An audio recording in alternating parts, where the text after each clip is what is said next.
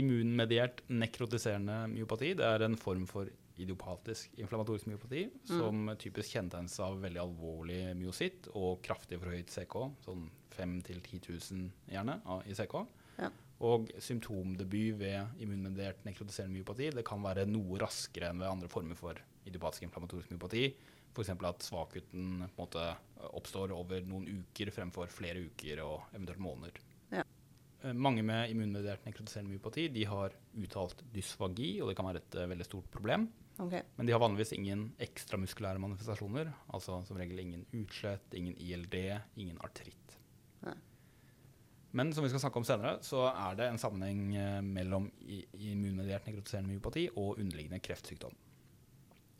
Det er to myosittspesifikke autoantistoff som er forbundet med immunmediert nekrotiserende myopati, og de fleste pasienter vil ha ett av dem.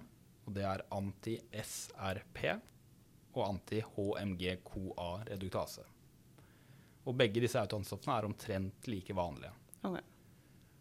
Noen uh, pasienter de har klinikk- og muskelbiopsifunn som er forenlige med immunmediert nekrotiserende myopati, men ingen myosittspesifikke autoantistoff, og disse omtales jo da som seronegativ immunmediert nekrotiserende myopati, Mm. eventuelt myosittspesifikk autoantistoff negativ immunmediert nekrotiserende myopati.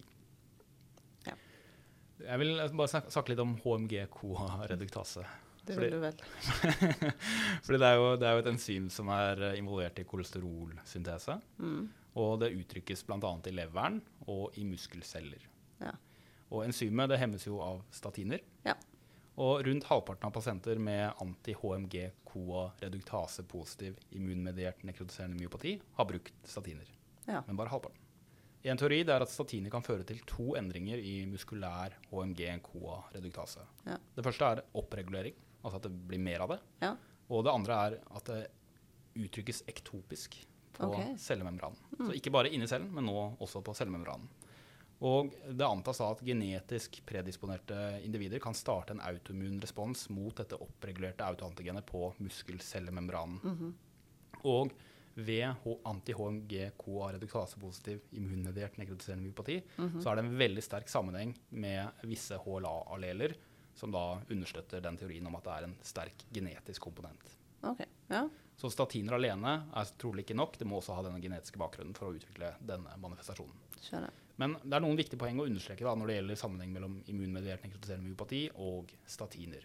Og det første er jo at statiner de kan jo gi mange ulike muskelmanifestasjoner. De kan gi myalgi, Mm. de kan gi en ikke-inflammatorisk myopati, de kan gi rabdomyolyse, og de kan gi da myositt i form av immunmediert nekrotiserende myopati.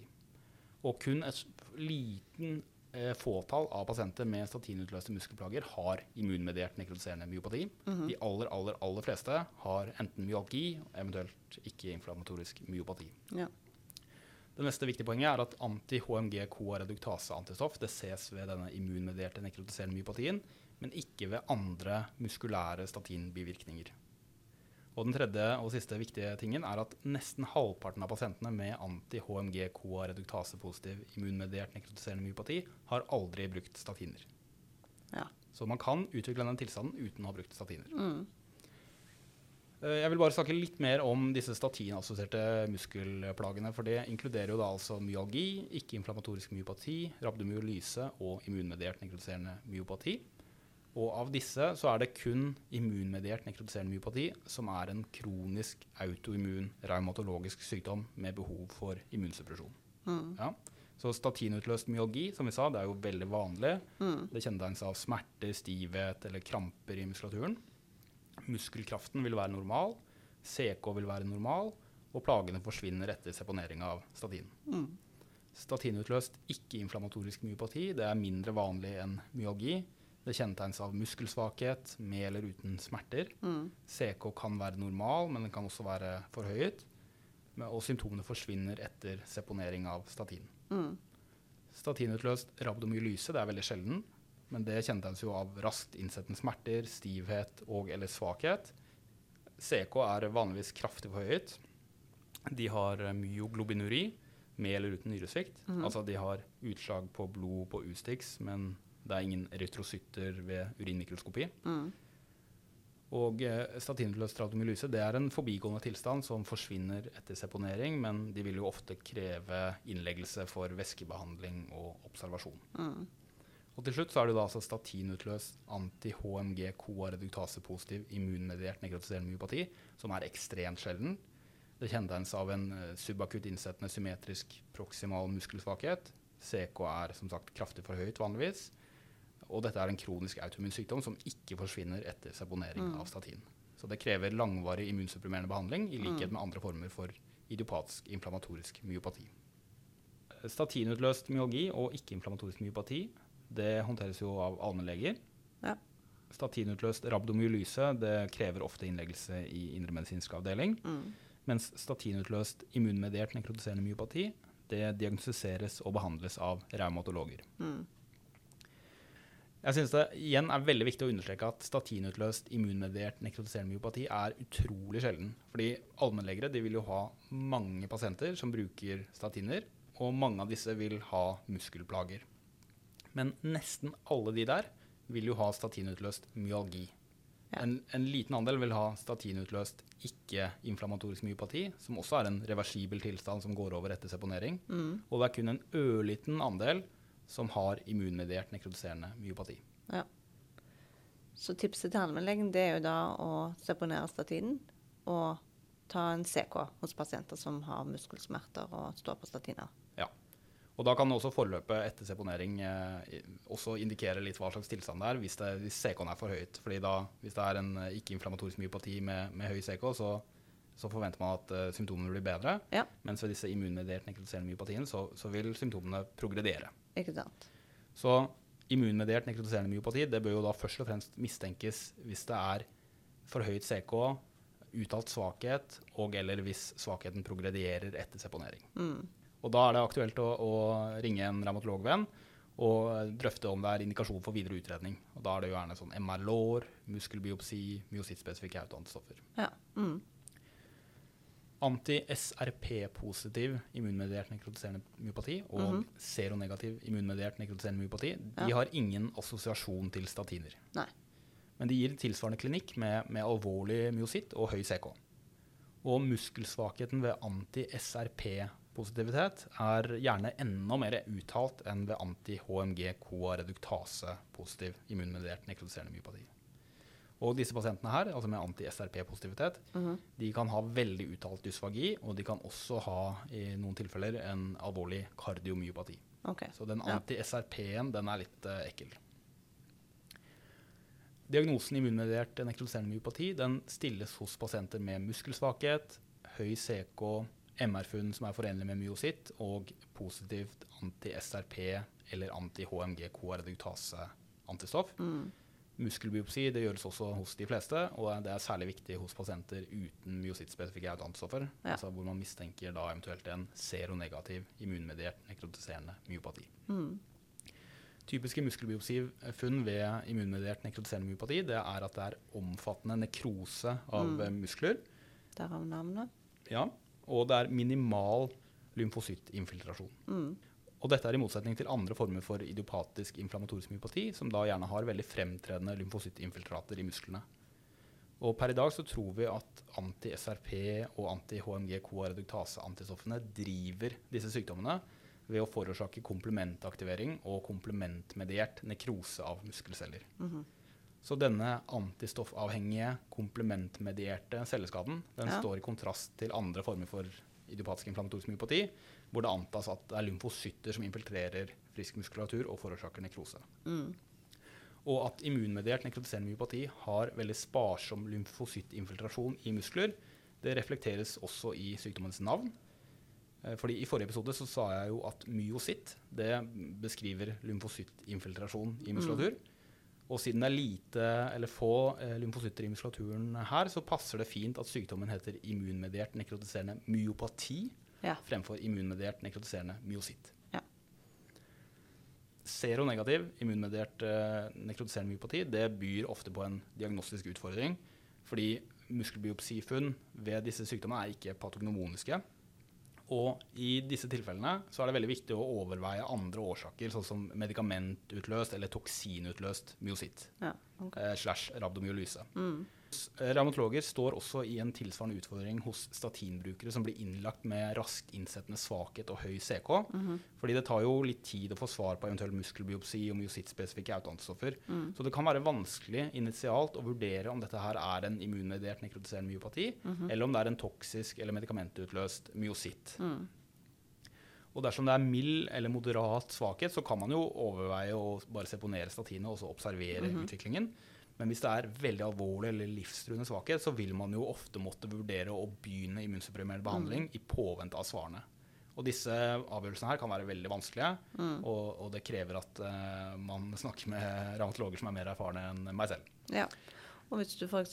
har får for nyresvikt sekundært til dette, så taler vel kanskje òg for å begynne med behandling. Jeg vet ikke. Ja, når det er sagt, så er eh, altså sånn rabdomyolyse og, eh, og nyresvikt sjelden ved i, i idiopatiske inflammatoriske Ja. Empatier. Man kan Selv om du får veldig høy CK-verdi? selv om du får høy CK og kan ha myoglobinuri, Ja. så er det angivelig mindre vanlig å se nyresvikt enn hos de som har en, eh, en, en klassisk rabdomyolyse eh, av en eller annen grunn. ja. Men eh, jeg sier ikke at det ikke forekommer, men, men eh, jeg har i hvert fall lest et sted at det er, det er overraskende sjelden at man Ja. ser det da.